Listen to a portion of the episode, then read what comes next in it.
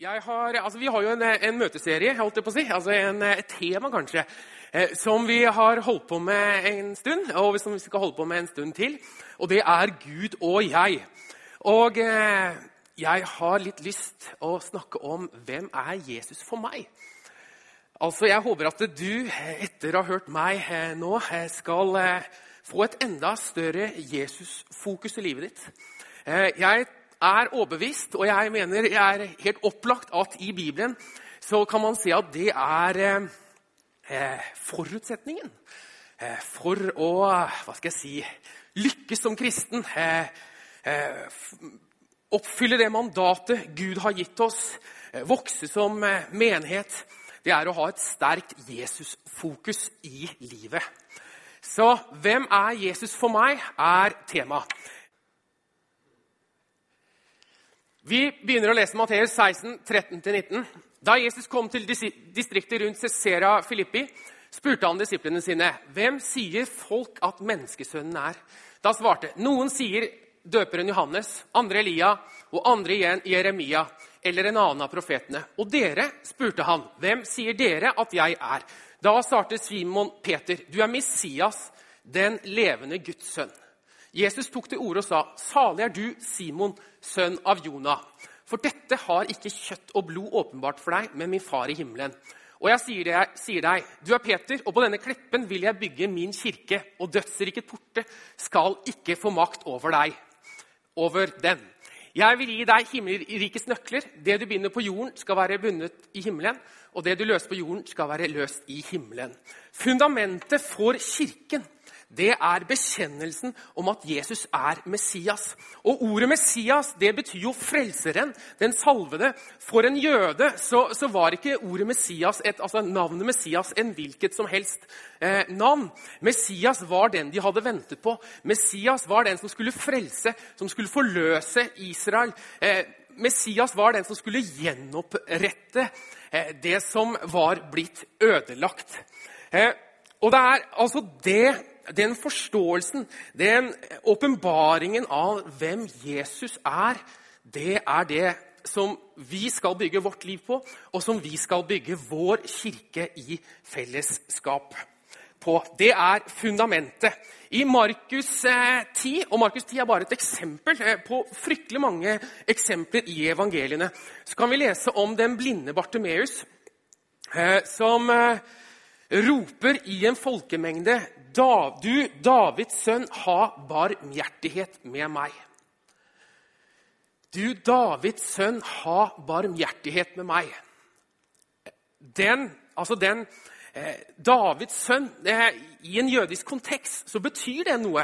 Eh, det betyr at eh, Jesus var altså han, Bartimeus han, eh, han har forstått at Jesus var, han var ikke en helt vanlig person. Han var ikke kun eh, sønn av Josef, altså en snekkersønn som var flink til å snekre. Han var noe mer. Han hadde noe mer med seg.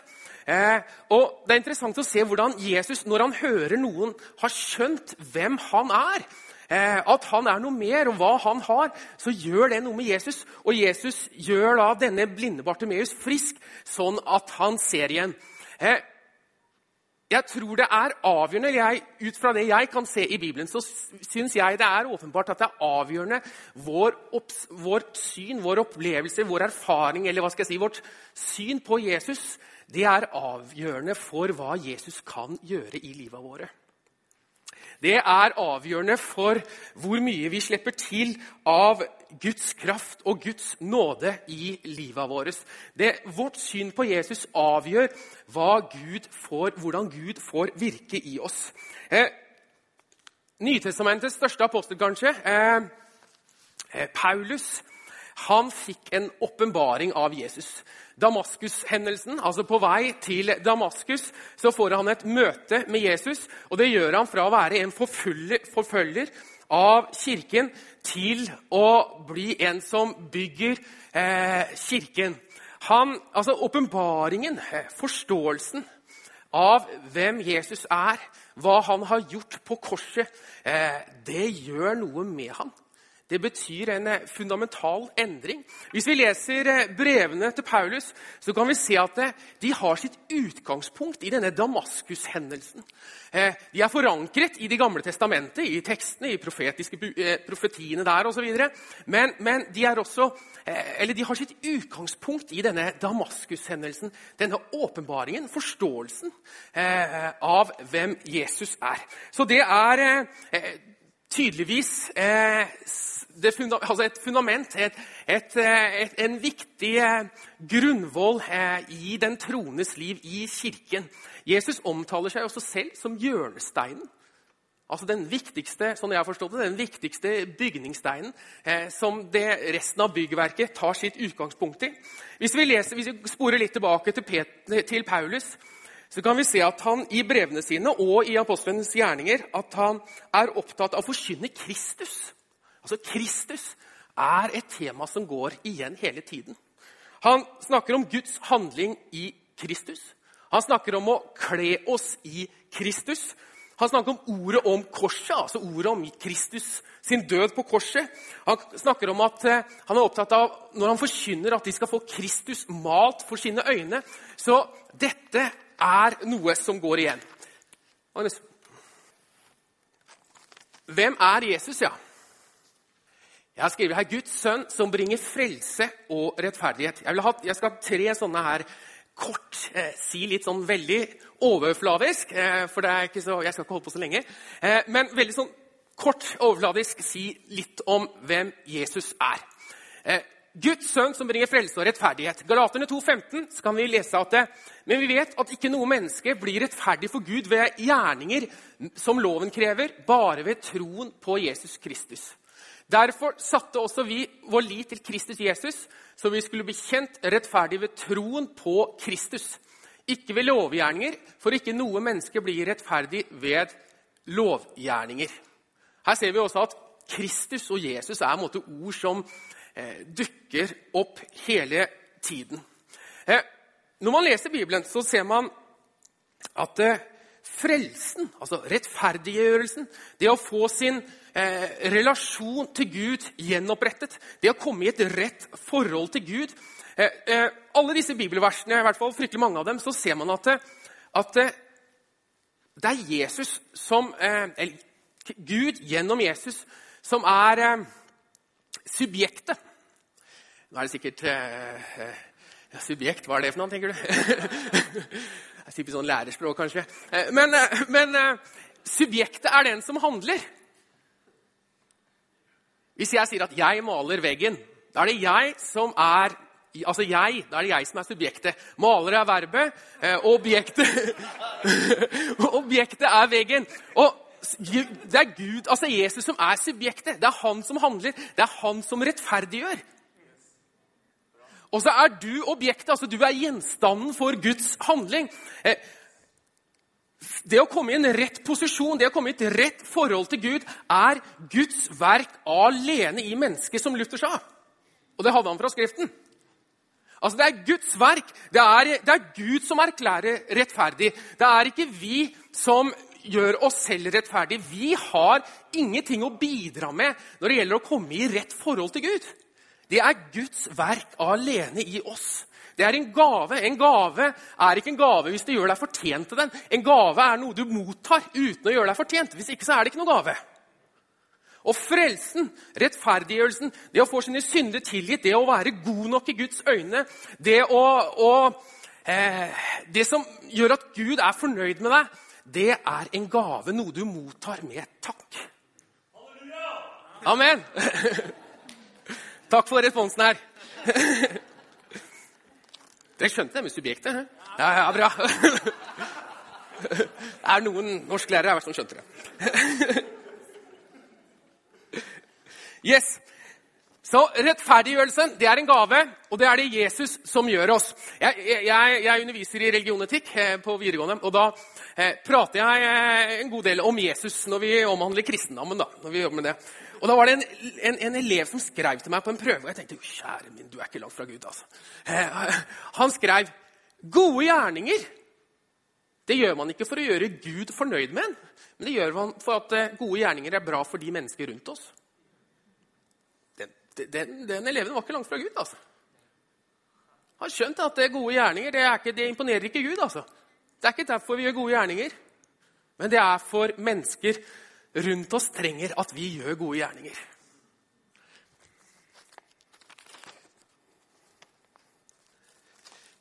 Hvem er Jesus? Guds sønn som bringer forløsning og befrielse. Første Kolosserne 1,13. For han har fridd oss ut av mørkets makt og ført oss over i sin elskede sønns rike. Ordene 'befri', 'frelse', eh, som brukes mye eh, når det beskrives hva Jesus Kristus har gjort for oss på korset, så er det de samme ordene som, altså som brukes i, i, i, Bibelen, eh, som brukes om eh, utfrielsen ut, eh, fra Egypts slaveri. Vi kan I, i eh, altså andre Mosebok så kan vi lese om, om hvordan Moses førte folket ut av en slaveriliv i Egypts land. Og altså Den befrielsen ut derfra, eh, denne frelsen, altså denne redningen fra slaveriet, er de samme ordene altså, de samme ordene som brukes om hva Jesus eh, fridde oss fra på korset. Han fridde oss ikke bare fra syndens straff, men også fra syndens makt. I Romerne 6 kan vi lese om at eh, før var dere syndens slaver. Altså før vil streke under det hvis vi leser det. Før var dere syndens slaver. Det betyr at i Kristus som kristen, altså i Kristus som kristen, så er vi ikke lenger syndens slaver. Vi har fått et nytt liv. På korset som jeg sa, så tok ikke Jesus bare vår synd, altså vår straff, men han tok også syndens makt over livet vårt. Tilbake til Romerne 6. Der står det om at vi er døde med Kristus, men at vi er oppreist til et nytt liv. Så vårt gamle liv under syndens makt, under syndens trelldom, den er vi frigjort fra. Eh, jeg var litt privilegert på slutten av 80-tallet her. Eh, så gikk min eh, Jeg har vært privilegert etter det òg, altså. Men, men, min mor gikk på en bibelskole i Sverige utenfor Stockholm. Arken het den. Linda Graf Berglind har jo vært her. Og da hadde jeg, Hennes mann heter Gunnar Berglind. En sånn tørrvittig teolog, svensk fyr. Eh, men han er utrolig bra. Altså. Han har veldig sterk forkynnelse om dette, her, og det har inspirert meg. Eh, men jeg var litt privilegert og fikk eh, ha noen samtaler med han. Og Han fortalte i en sammenheng her en historie fra sitt eget liv som, som, jeg, som har talt veldig til meg i ettertid. Han fortalte hvordan han, hvordan han røyka. Dette er noen år siden. da. og, og, og, Han opplevde hvert at han ikke skulle gjøre det. da det, det, var liksom ikke helt bra for kroppen hans. Og, eh, så han opplevde at Gud liksom ville at han skulle slutte med det. da. Og han prøvde eh, utallige ganger, eh, men klarte det ikke. Han, han, fikk det ikke til. Jeg vet ikke om du noen gang har opplevd at eh, du opplever at du skal leve annerledes, og så får du det ikke til. Jeg har i hvert fall erfart det mange ganger i mitt liv. Og han, han ble frustrert, og han prøvde og prøvde, men lyktes ikke. Eh, og så opplevde han, han opplevde en dag at Gud sa til han at eh, Han formulerer på en sånn litt tørrvittig måte at Gud sa til han at, eh, at, eh, Eller Jesus, da. Gud gjennom Jesus. At han hadde slutta å røyke. Og han Ja, Jesus, har du røyka også, altså? Eh, det var hans første tanke. Eh, og så visste eh, Den hellige hånden gjennom Skriften, eh, jeg tror bl.a. Romerne 6 her, hvordan Jesus på korset også tok de tinga som han sleit med. Altså, syndens makt over hans liv ble brutt på korset. Det som han ikke klarer å slutte med, altså det som han ikke klarer å endre i livet sitt, enten det er vaner eller eh, livsstil altså det, kan være, eh, det kan være ene og det andre som binder oss, det tok Jesus på korset og satte ham fri. Og når han så det i Skriften og hørte dette fra Den hellige ånd, så har han ikke røyka mer. Nå har jeg ikke snakka med henne på noen år, da, men eh, jeg går ut fra at ikke han har begynt igjen. Eh, men, men, Gud satte ham fri. altså. Det er sånn at det, det, Jesus gjorde på korset, det er ikke bare sånn at han rettferdiggjorde deg, at han satte deg fri, altså han tok straffen for dine synder. Eh, men han gjorde mer enn det. Han tok også brøyt syndens makt i livet ditt. Det betyr ikke at vi ikke kan bli fristet, at vi ikke synder, at vi gjør gale ting. Men vi har et nytt potensial i Jesus. dere. I Kristus så går det an å leve et annerledes liv. Det er sånn at Når vi skal endre vår livsstil, eh, og hvis, hvis, vi opplever at vår livsstil ikke er riktig, ikke sant, og vi opplever at vi må endre den fordi den, den, er ikke liksom forenlig med god kristen livsførsel, eh, så, så, er det sånn at vi skal ikke gjøre dette av oss selv, men vi skal gjøre det i Kristus. Og, og da blir det så ufattelig mye enklere å leve som kristen. altså. Og så er Det litt, det, det, som er litt bra med det, at vi er veldig takknemlige for frelsen. dere. Og vi, vi, er kanskje flinke til å takke Jesus for han, at han tilgav oss våre syndere, at vi ble fri fra syndens straff. Men sånn som i Gunnar Berglins tilfelle Det var jo ikke han som slutta å røyke. Det var jo Gud som gjorde det for ham. Han, altså, takken går jo til Gud der også, til Jesus. Det er viktig å ikke bare regne med Kristus i frelsen, altså i rettferdiggjørelsen og det å bli Guds barn, komme liksom, få foten på innsiden av himmelriket. Eh, vi skal leve i Kristus. Kristus skal forme vårt liv. Du kan spørre min ektefelle etterpå. Hun er oppe i søndagsskolen her. men, men jeg, altså når jeg lever tett på Kristus Det er ikke alltid jeg gjør det. Jeg alltid, altså, men hvis jeg prioriterer og er flink med å bruke tid med Kristus, så er jeg en bedre ektemann, så er jeg en bedre pappa, eh, så elsker jeg eh, mennesker rundt meg mer. Så er jeg er utrolig mye bedre menneske. altså. Når jeg er tett på Kristus, lever i Kristus. Så det gjør noe med måten vi lever på. Eh, vi tar neste. Guds sønn som bringer forsoning. Efeserne 13. Men nå, i Kristus Jesus, er dere som var langt borte, kommet nær på grunn av Kristi blod.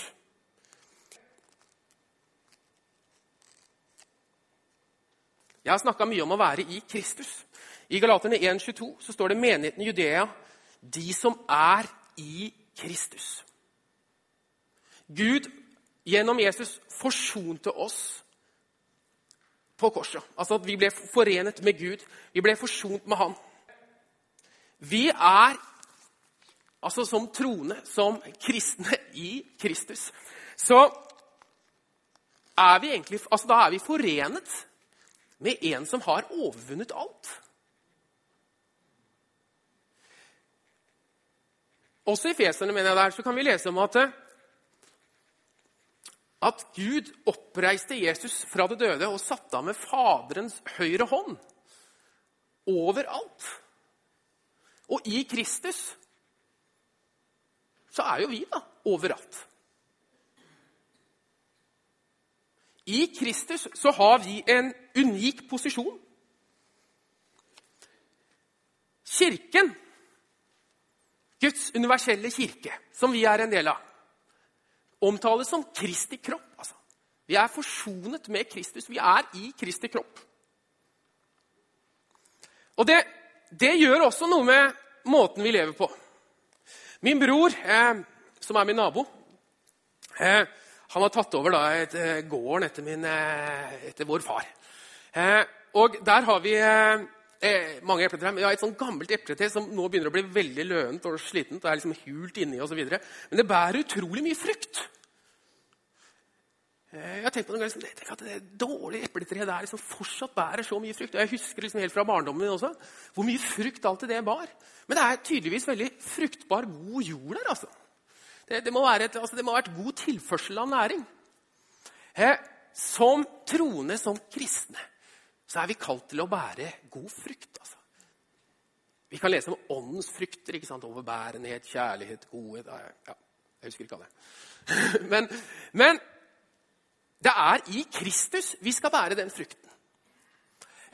Dette epletreet til broderen Jeg tror ikke det peser og sliter med å bære frukt. Det er det mest naturlige i verden å bære frukt. Fordi det får god tilførsel av vann og næring. Og i Kristus Vi er jo forsont med Kristus. Vi er i hans kropp. Det mest naturlige i verden for oss når vi lever i Kristus, når vi lever tett på Kristus, det er å bære frukt. Og det er ikke en kraftanstrengelse da. Det er det mest naturlige. Det kommer av seg selv. Sånn funker det bare. Kristus virker i oss gjennom Den hellige ånd. Det handler ikke så mye om hvem du er. vet du. Det handler ikke så mye om dine tilkortekommelser eh, og dine feilskritt og det du har mislykkes med. Det handler om hvem du er i Kristus. Så hvis du føler at du kommer til korte, tenk vil Kristus komme til korte i dette? Han gjør ikke det. Så i Kristus så kan man leve et, et annet liv. Altså. Så kan man bære rik frukt. Jeg har noen ganger forundra meg litt over det sier jo kanskje litt om meg, da. Men, eh, men, men, men hvem noen gang Gud bruker. altså, men det handler kanskje om at, at, mange av de som har kommet litt skjevt ut i livet, da, og som kanskje ikke har lykkes så godt på alle livets områder, de er ikke så store i seg selv, og de er kanskje enda mer avhengig av Kristus, å være i Kristus. Og da får man tilgang til et annet liv, altså. Det er alfa og omega, det. Magnus?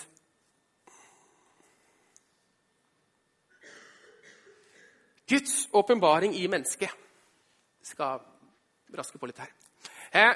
Jesus tok til orde og sa, 'Salig er du, Simon, sønn av Jonah.' 'For dette har ikke kjøtt og blod åpenbart deg, men min far i himmelen.' Altså, nå er vi tilbake til denne bekjennelsen som Peter hadde, og som Jesus responderte veldig tydelig på. at denne, denne bekjennelsen, altså, denne åpenbaringen, denne forståelsen av hvem jeg er, den vil jeg bygge min kirke på. He? dette var ikke noe Peter hadde kommet fram til selv. Damaskus-hendelsen med Paulus det var ikke noe han kom fram til selv. altså. Det var noe som skjedde der og da. Så her kan vi lese at det er Guds åpenbaring, altså Guds verk i Petus. Det er sånn at Jesus han vil åpenbare seg for deg og meg. Han ønsker å vise deg og meg hvem han er. Jesus vil gjerne være stor i ditt og mitt liv. Han vil være stor i vår kirke. Eh, det er hans ønske. Og han vil at vi skal bli mindre. At han vokser seg stor. Jeg, eh, jeg er ikke fryktelig gammel. Jeg har passert 40 akkurat. da. Eh, litt gammel. Men, men, men, eh, men, i hvert fall mitt eh, kristne liv bærer jo altså Jeg merker at jeg blir jo mindre og mindre, og Gud blir jo større og større. altså. Og det tror jeg er meningen at det skal være. Gud kan bli veldig mye større fortsatt, altså. Ja. Og Gud bruker den som han kan få vokse seg stor i. Jeg tror Peter hadde vært rundt Jesus ganske mye. Han har hatt mye fokus på Jesus. Jeg tror noe av grunnen til åpenbaringen han hadde fått om hvem Jesus var, var nærheten til Jesus. Altså at han, han, han hadde levd ikke hvor mange år det var da, ja, men totalt så levde han vel kanskje en tre år eller noe sammen med Jesus tett. Og det gjorde noe med han. La oss dere ha et Kristusfokus i livet vårt. La forkynnelsen eh, i kirken vår ha et Kristusfokus. Jeg sier ikke at den ikke er det nå. altså. Eh, barnearbeidet vårt jeg, jeg, er aktiv med barnearbeidet her. La barnearbeidet vårt, la det jeg sier der oppe, og det oss alle andre sier her, la det et sterkt Kristusfokus. Altså. For det gjør noe med oss. Det gjør at Kristus blir åpenbart i oss, at han blir stor. Luther Jeg er litt glad i Luther. ja. Reformasjonen 1517. Det sies at Luther hadde sånne Jesusbriller på seg sier de i ettertid, når han leste Bibelen. Altså, når han, så var han liksom, Hva er det om Kristus, Jesus her? Altså, det var en måte fokuset hans. La oss ha sånne briller når vi leser Bibelen. La oss leve i Kristus, la oss forbli i Kristus. Vi tar det siste bildet. Jeg er ikke så veldig opptatt av sommerfugler, og sånt, men, eh, men eh, jeg syns dette var en god illustrasjon. For å illustrere litt hva Kristus har gjort for deg, hvem du er i Kristus, hva det innebærer å være forsonet, være ett med Kristus. En, en eh, sommerfugl har jo en gang vært en larve. Eh, og så går den fra å være en larve da, til å få vinger eh, og et helt annet liv. Eh, jeg vet ikke om du har tenkt på det, men jeg har tenkt på at det, det må være en enorm mental omstilling liksom, oppi hodet på den sommerfuglen. Fra liksom å krype langs bakken. ikke sant? Det går treigt. Det er begrensa hva du ser. Ikke greit liv, men jeg synes det høres litt kjipt ut. Men, men, det å kunne fly rundt det, det er jo et helt, helt annet liv. Og så klart, Jeg vet jo at det er instinkter, og sånn, ikke sant? så, så det, det, er jo ikke kanskje en sånn mental omstilling. Men, men, men eh, det illustrerer noe for meg, i hvert fall. Kanskje det gjør det for deg også. Men hvem eh, altså denne, sant, den sommer, denne larven som får vinger, så må den oppdage at den har vinger. Hvis ikke så vil den fortsatt leve et sånt larveliv. Og når Han oppdager, altså han må oppdage at han har vinger. Vi må oppdage hva, hvem Jesus er, hva han har gjort for oss, hvordan han ønsker å være stor i oss, hvordan han ønsker å virke i oss. Og så ikke nok med det, men han har oppdaga så må han tro på det. Han kan si nei, de vingene har jeg aldri sett før. Nei, det nekter jeg å tro på. At jeg er død fra syndens makt? Nei, rakkeren, jeg har slitt med dette greiene her i hele livet. Nei, det tror jeg ikke noe på. Jeg har så mange erfaringer at jeg alltid mislykkes med de greiene der. altså. Og, sånn kan vi tenke oss da, at en sommerfugl kan tenke òg.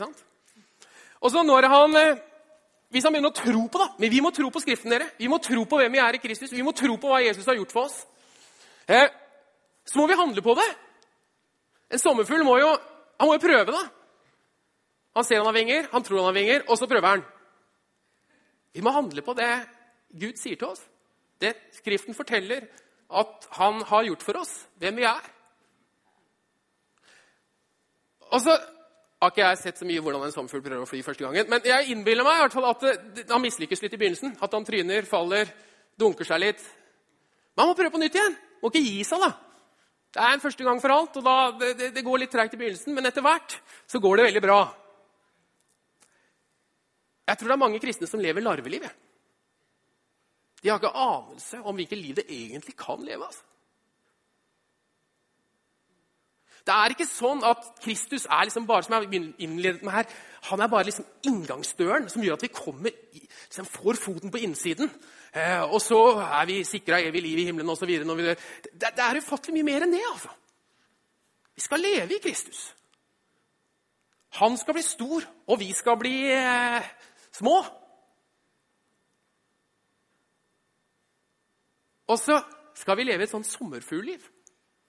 Jeg tror ikke det er bekymringsfritt liv og at det er ikke motgang og sånn videre, men, men det, er, det fins et, et, annet potensial for oss. Skal vi som kirke, og skal du eh, Skal vi som kirke inn i det Gud har tenkt for oss? Og skal du inn i det Gud har tenkt for deg, så må du oppdage hvem du er i Kristus. For du klarer ikke sjøl, det kan jeg love deg. Skal du leve et seirende kristenliv, så mislykkes du. Gunnar klarte ikke å slutte å røyke. Men i Kristus så kan du noe. Amen. Skal vi ta det? Takk, Jesus, for uh, at vi Takk for at du døde for oss. Takk for at uh, du satte oss fri på korset. Takk for at vi er forenet med deg. Eh, at vi er ett med deg, at vi er en del av Kristi kropp.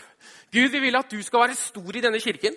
Eh, vi vil at du skal være stor i våre liv. Vi vil at vi skal være små, men at vi skal ha stor tro på deg. Det vil vi om. I Jesu navn. Amen. Så vil jeg at alle ser litt ned. Og så tenker jeg Det kan hende det er noen her eh, som ikke har oppdaga at eh, Jesus kan frelse deg. At eh, Jesus kan tilgi deg. At Jesus kan gjøre det slik at uh, du kommer i et rett forhold til han.